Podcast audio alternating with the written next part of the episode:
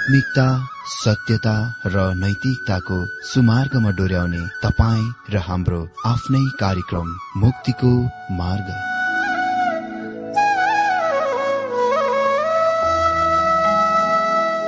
आदरणीय श्रोता यस मुक्तिको मार्ग कार्यक्रममा हार्दिक स्वागत छ। आशा छ यस आत्मिक कार्यक्रमद्वारा जीवनमा आत्मिक आशिष अलौकिक शान्ति र आनन्द प्राप्त गर्नुहुनेछ। र जीवनमा धन्य अनुभव गर्नुहुनेछ। आउनुहोस् श्रोता। मन र आत्माको तयारीको लागि यो मिठो अनि मधुर भजन गीत सुनौ। यसैले म गाउँछु नैको निम्ति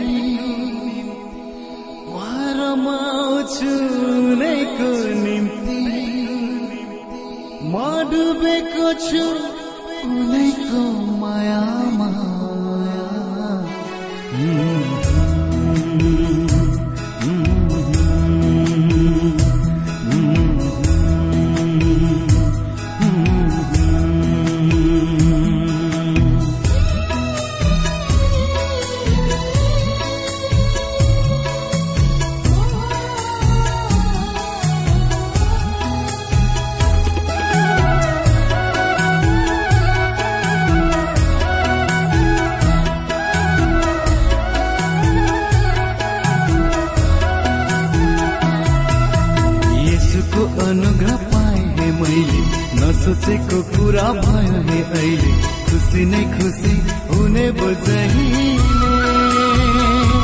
ओ, यसैले म गाउँछु नैको निम्ति म रमाउँछु नैको निम्ति म डुबेको छु।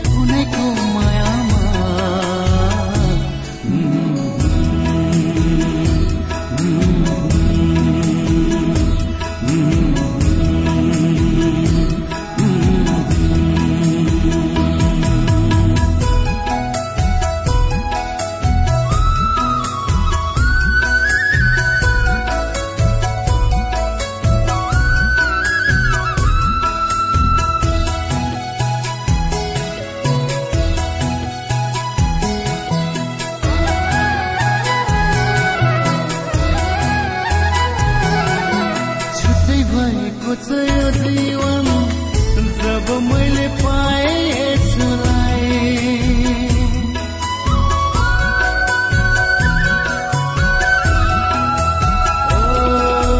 छुट्टै भएको छ यो जीवन जब मैले पाएँ यसलाई बदलियो कथा मेरो सधैँ सधैँलाई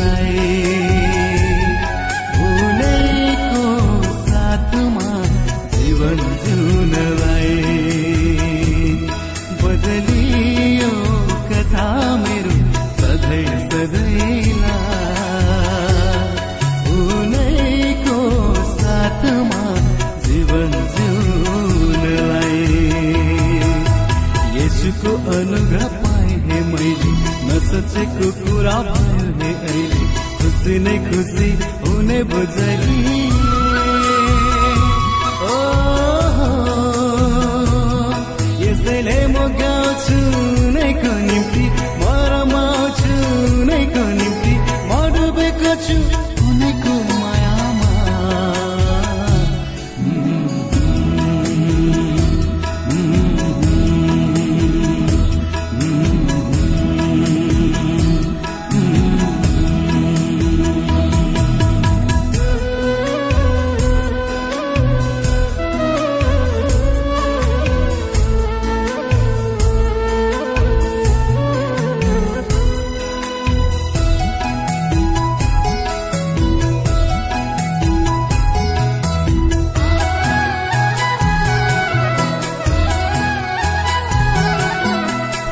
रहेको छ यो जीवन यसुमा तु बस्न छर्न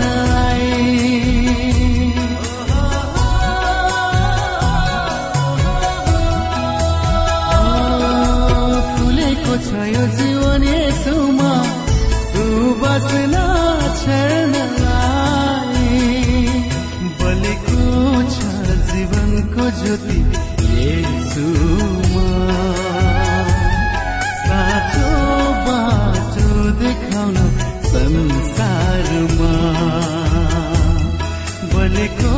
आशा जीवनको ज्योति साँचो बाटो देखाउन संसारमा। यसुको अनुग्रह पाएँ हे मैले। नसोचेको कुरा भयो हे अहिले। खुसी नै खुसी हुने बुझली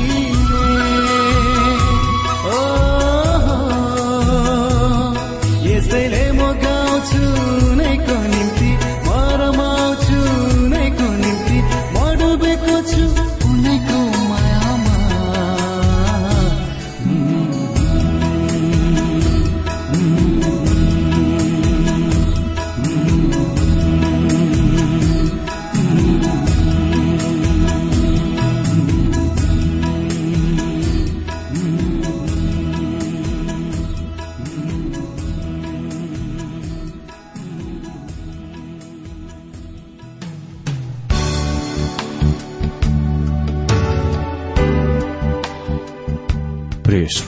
यो प्रसारण मार्फत यो अवगत गराउन चाहन्छौ कि प्रभुको सेवाको लागि यहाँहरूको साझेदारी नित्यन्त आवश्यकता छ। यहाँहरूले प्रार्थनाको साथसाथै आर्थिक सहायता गर्न अनुरोध गर्दछौ। तपाईँहरूको सानो भन्दा सानो भेटी किन नहोस्? हामी प्रभुको नाममा स्वीकार गर्नेछौ। प्रभुको सेवाको लागि। तपाईँहरूको यो सानो लगानीले कसैको जीवनमा भिन्नता ल्याउँछ अनि प्रभुको महिमा हुन्छ। प्रभु तपाईँहरूलाई महान गरी आशिष दिनुहुनेछ। इच्छुक श्रोताहरूले तपाईँको इच्छा भेटी हाम्रो ठेगानामा पठाउन सक्नुहुन्छ जुन ठेगाना हामी कार्यक्रमको अन्तमा दिनेछौ। प्रिय श्रोता मित्र प्रभु येशु ख्रिस्टको मधुर अनि सामर्थ्य नाममा मेरो जय मसी तथा हार्दिक स्वागत छ आजको यो बाइबल अध्ययन कार्यक्रममा। श्रोता म आशा गर्दछु तपाई सबै आनन्द कुशलै हुनुहुन्छ होला। र आजको यो बाइबल अध्ययनको लागि तयारीको साथ आफ्नो आफ्नो रेडियोको सामुने आइपुगिसक्नु भएको छ होला। प्रिय श्रोता आज हामी बाइबल अध्ययन हबकुक दुई अध्यायबाट शुरू गर्न गइरहेका छौं। र आज हामी हबकुक दुई अध्याय एकदेखि तीन पदसम्मबाट बाइबल अध्ययन गर्नेछौ। एक अध्यायमा हामीले भविष्य वक्ताको व्याकुलताको देख्यौं।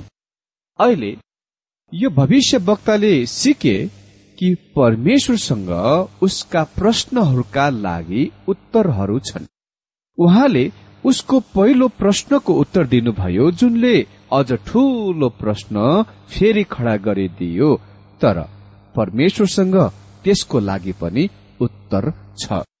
मेरो मित्र यदि तपाईँसँग प्रश्न छन् भने यसलाई आत्मिकी भक्त वाक्य शैलीमा यसको घाँटी नठ्याउनुहोस्। म प्राय गरी मानिसहरूले यो भनेको सुन्दछु।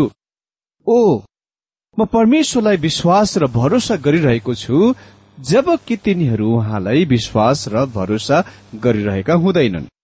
तिनीहरूले हरेक कदममा उहाँलाई प्रश्न गरिरहेका हुन्छन् वास्तवमा।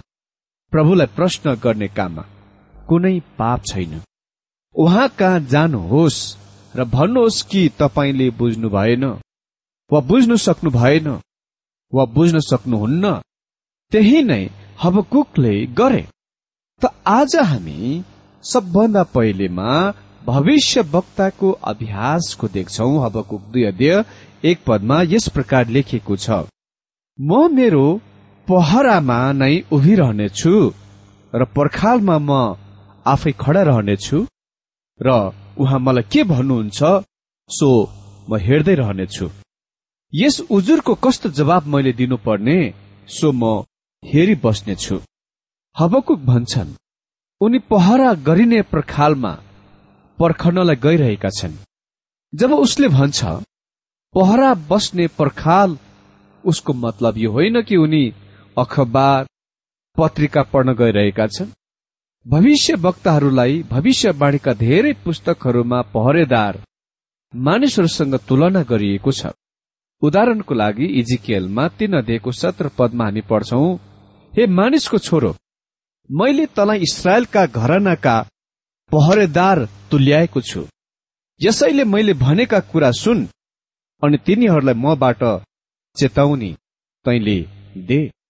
भविष्य वक्ताहरू पहरेदारहरू थिए जसले राष्ट्रलाई भविष्यवाणी दिन्थे र परमेश्वरले उहाँको चेताउनी दिने कामको लागि तिनीहरूलाई उत्तरदायी ठान्नुहुने थियो। पर्खाल घेरिएको सहरमा पहरेदार एक त्यो मानिस थियो जसले रातमा शत्रुहरूको लागि चौकीदार पहरा गर्दथ्यो। यदि उनी इमान्दार र विश्वासयोग्य भए सहर सुरक्षित हुने थियो।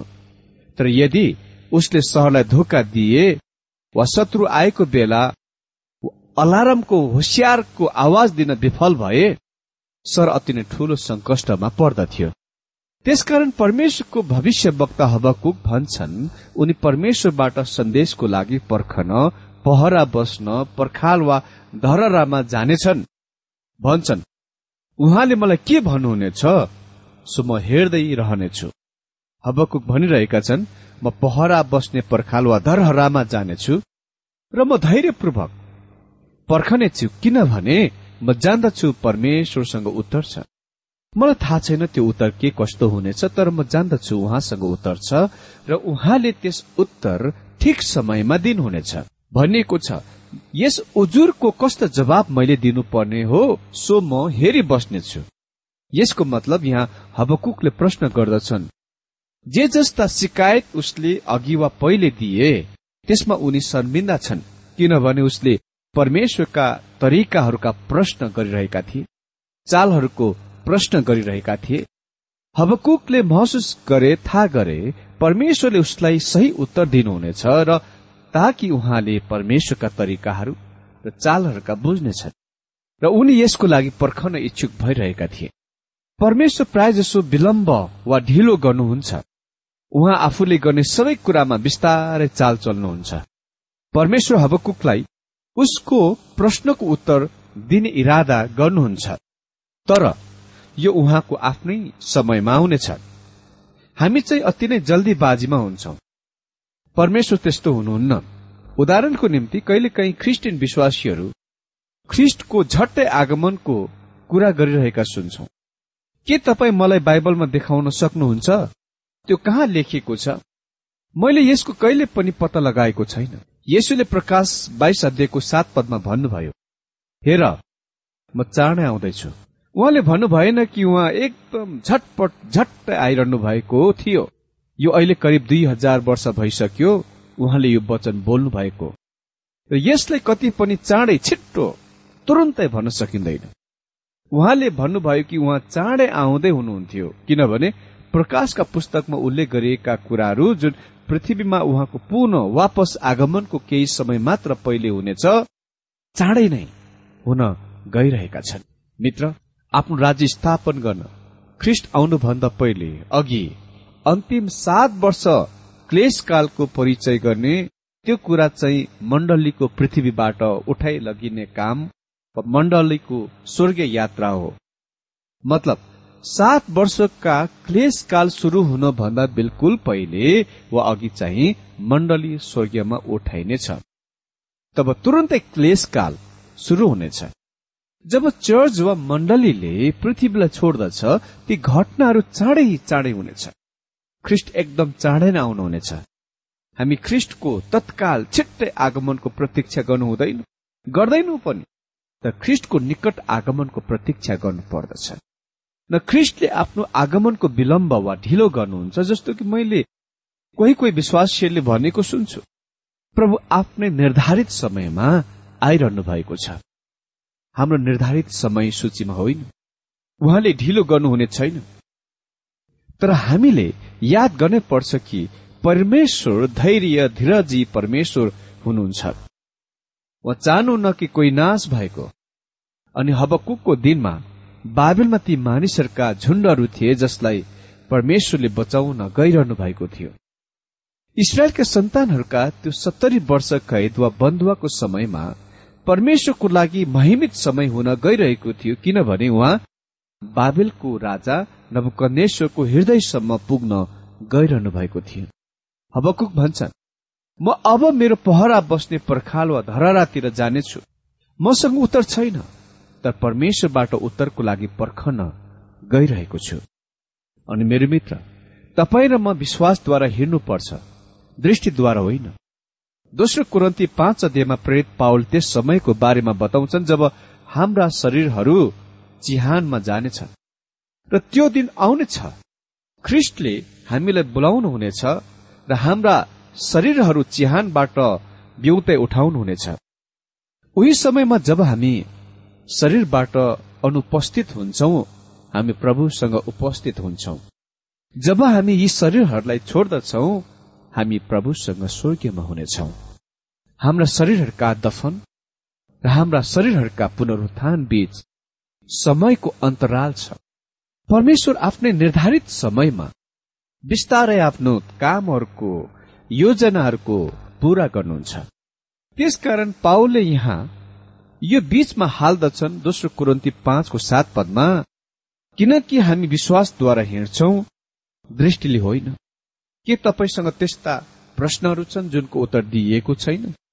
मसँग छ तर मैले सिके उहाँसँग यसको उत्तर छ। यद्यपि त्यसको मलाई नदेखाउनु भए तापनि र मैले त्यसको सबै बुझ्न नसके तापनि मलाई थाहा छ कि उहाँसँग यसको उत्तर छ। र कुनै दिन उहाँले मलाई यसको देखाउनुहुनेछ र हामीले उहाँलाई विश्वास गर्न आवश्यक छ। त्यसपछि हामी देख्छौ भविष्य वक्ताको धैर्यता धीरज। दुई अध्ययको दुई पदमा लेखेको छ तब परमप्रभुले मलाई जवाबमा भन्नुभयो तैले यो दर्शन पार्टीहरूमा प्रष्ट गरी र समाचार वाहक त्यससित दौडन सकोस् परमेश्वर भनिरहनु भएको छ यस्ता लेख ताकि एक्किसौं शताब्दीका मानिसहरूले विशेष गरेर यो फुटे प्रचारकले जससँग केही प्रश्नहरू हुनेछन्। अनि म सोच्दछु कि उहाँको मनमा तपाईँ पनि हुनुहुन्थ्यो। ती दिन समय अवधिमा मबाट उत्तर पाउनेछन् जब तिनीहरू विश्वासद्वारा हिँडिरहेका छन्। समाचार वाहक त्यससित दौडन कुद्न दौडन सकोस् कहिलेकाहीँ हामी यसको अर्थलाई यसरी बग्याउँछौ। दौड्नेले त्यो पढ्न सकोस्। मित्र परमेश्वर त्यो नै यहाँ भनिरहनु भएको छैन। उहाँले भन्नुहुन्छ हामीसँग मार्ग नक्सा रोड म्याप हुन आवश्यक छ। हामीलाई थाहा हुन आवश्यक छ कि हामी कहाँ गइरहेका छौं। हामीले बाटो वा तरिकाको बारेमा अति नै पर्याप्त गरेर जान्न आवश्यक छ ताकि हामीले पढेपछि कुद्न दौडन सकौं। यसको मतलब जसले यसको पढ्छ त्यसको बताउन भन्न घोषणा गर्न दौडनु पर्दथ्यो। उनी परमेश्वरको वचनको सन्देश भाग हुनुपर्ने थियो। मेरो मित्र आज त्यहाँ धेरै मानिसहरू हुन् वा मानिसहरू छन् जो पर्याप्त तयारी बेगर परमेश्वरको वचनको प्रचार गर्न र सिकाउन कोसिस गरिरहेका छन्। तिनीहरूले दौडन आरम्भ गर्न भन्दा पहिले अधिक धेरै पढ्न आवश्यक छ। मलाई याद छ मैले प्रभुमा विश्वास गरिसकेपछि लगतै सेविकाईमा प्रवेश गर्न चाहेको थिएँ। मैले सोचे कि मैले तत्कालै सुसमाचार प्रचार गर्न र बाइबल सिकाउन शुरू गर्नु पर्दछ। म परमेश्वरलाई धन्यवाद दिन्छु। त्यस महान प्रभुको सेवकको निम्ति जसले मलाई सेविकाईमा प्रवेश गर्न भन्दा पहिले पर्याप्त बाइबलीय शास्त्रीय ज्ञान पाउन आवश्यक छ भनी परामर्श र सल्लाह सुझाव दिनुभयो। र त्यसको निम्ति बाइबल ट्रेनिङ प्राप्त गर्न सके सेविकाईमा सफल हुने छौ उहाँले भन्नुभयो। अनि यो कुरा मलाई धेरै चित्त बुझ्यो किनकि यदि मैले राम्ररी बाइबलको ज्ञान नपाइकन कसरी अरूलाई सही सिद्धान्त सिकाउन सक्छु त्यो त असम्भव छ। यदि मैले काम चलाउको निम्ति सिकाउन शुरू गरे भने पनि त्यो शिक्षा गलत शिक्षा हुन सक्छ। किनकि म आफैमा शास्त्रका गहिरो ज्ञान थिएन। यही नै समस्या आज अधिकांश सेवकहरूको जीवनमा हामी देख्छौ। कुनै तालिम बेगर कुनै तयारी बेगर सेवामा उत्रनु धेरैपल्ट खतरनाक हुन्छ। त्यही नै कारण हाम्रो यो नै रेडियो बाइबल अध्ययन कार्यक्रमको खास उद्देश्य र लक्ष्य हो कि मानिसहरूलाई परमेश्वरको वचन सिकाउने। हामी ती विश्वासीहरूलाई र सेवकहरूलाई प्रभुको वचनको शिक्षामा हुर्काउन बढाउन चाहन्छौ ताकि तिनीहरूले शास्त्रको ज्ञान प्राप्त गर्न सकुन्। र तिनीहरूले यसलाई मानिसहरू कहाँ सही तरिकामा पनि सिकाउन सकुन्। मित्र तपाईँ दौडन आरम्भ गर्नुभन्दा पहिले पढ्न अध्ययन गर्न सिक्नुहोस्। तपाईँ कुनै साक्षी दिन भन्दा पहिले तपाईँमा हुने आशाको लागि कारण दिन योग्य हुनुहोस्। वचन सिकाउन भन्दा पहिले आफैलाई वचनको ज्ञानले सुसञ्जित गर्नुहोस्। तीन पदमा लेखिएको छ किनकि दर्शन ठरिएको समय पूरा हुनलाई पर्खिरहेछ। त्यसले अन्तको विषयमा बताउँछ र त्यो झुटो ठरिने छैन। त्यो पूरा हुन ढिलो भए तापनि त्यसको प्रतीक्षा गर्दै बस किनभने त्यो निश्चय नै पूरा हुनेछ त्यसले ढिलो गर्ने छैन। मित्र परमेश्वरले आफ्नो वचनमा जे भन्नुभएको छ त्यो निश्चय नै उहाँले एक दिन आफ्नै समयमा र आफ्नै इच्छा अनुसार पूरा गर्न गइरहनु भएको छ। तपाईँ र म त्यो कुरामा शत प्रतिशत विश्वास र भरोसा गर्न सक्छौ। प्रभुको वचनले भन्दछ कि उहाँ एक दिन आउन गइरहनु भएको छ। र आफ्नो जनहरूलाई उहाँ यो पृथ्वीबाट उठै लानुहुनेछ। त्यसपछि हामी यो पनि देख्छौ कि यो परमेश्वरको राज्य उहाँको राज्य यो पृथ्वीमा स्थापना गर्नुहुनेछ। प्रिय परमेश्वरको वचनले जे भन्नुहुन्छ त्यो निश्चय नै उहाँले ढिलो गर्नुहुने छैन। उहाँले त्यसको पूरा गर्नुहुनेछ भनिएको छ। किनकि दर्शन ठरेको समय पूरा हुनलाई पर्खिरहेछ। त्यसले अन्तको विषयमा बताउँछ र त्यो झुटो ठरिने छैन। त्यो पूरा हुन ढिलो त्यो पूरा हुन ढिलो भए तापनि त्यसको प्रतीक्षा गर्दै बस किनभने त्यो निश्चय नै पूरा हुनेछ। त्यसले ढिलो गर्ने छैन। परमेश्वरले आजको यो बाइबल अध्ययनद्वारा हरेकलाई धेरै धेरै आशिष दिनुभएको होस्।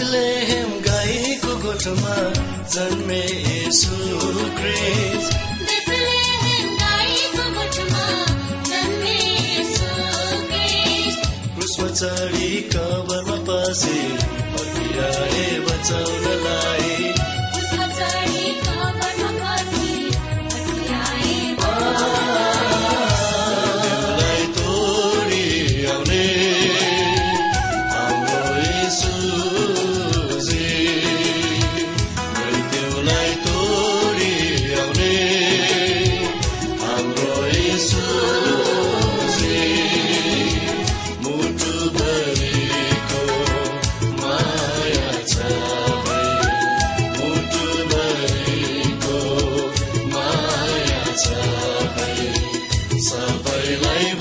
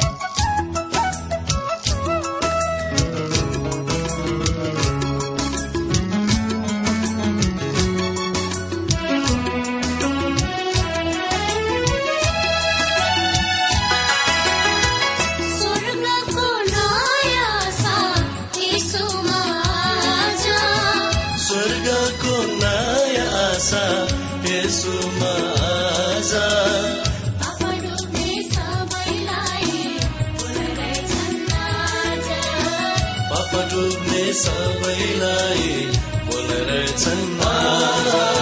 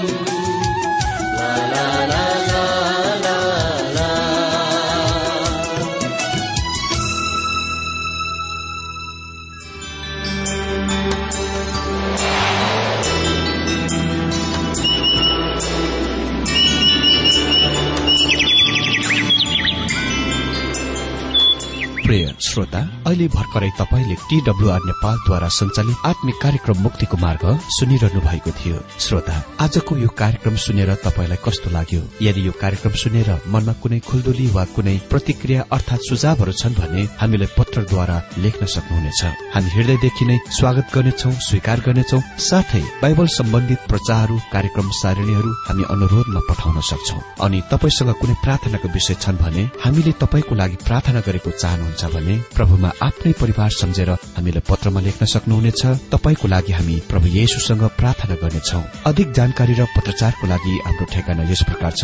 कार्यक्रम मुक्तिको मार्ग जीपीओ नम्बर उनानब्बे पचहत्तर इपिसी पच्चिस एकसठी काठमाडौँ। ठेगाना एकपल्ट सुन्नुहोला। कार्यक्रम मुक्तिको मार्ग जीपीओ नम्बर उनानब्बे पचहत्तर इपिसी पच्चिस एकसठी काठमाडौँ। हाम्रो इमेल एड्रेस हो T W R Nepal at Yahoo dot com साथै यस नम्बरमा एसएमएस गर्न सक्नुहुनेछ। अन्ठानब्बे चार सत्तरी पैतिस छ सय उनासी नौ आठ चार सात जिरो तीन पाँच छ सात नौ। हुन्छ श्रोता आजलाई हामी विदा चाहन्छौ। अर्को कार्यक्रममा हामी पुनः भेट्नेछौ तबसम्मलाई नमस्कार।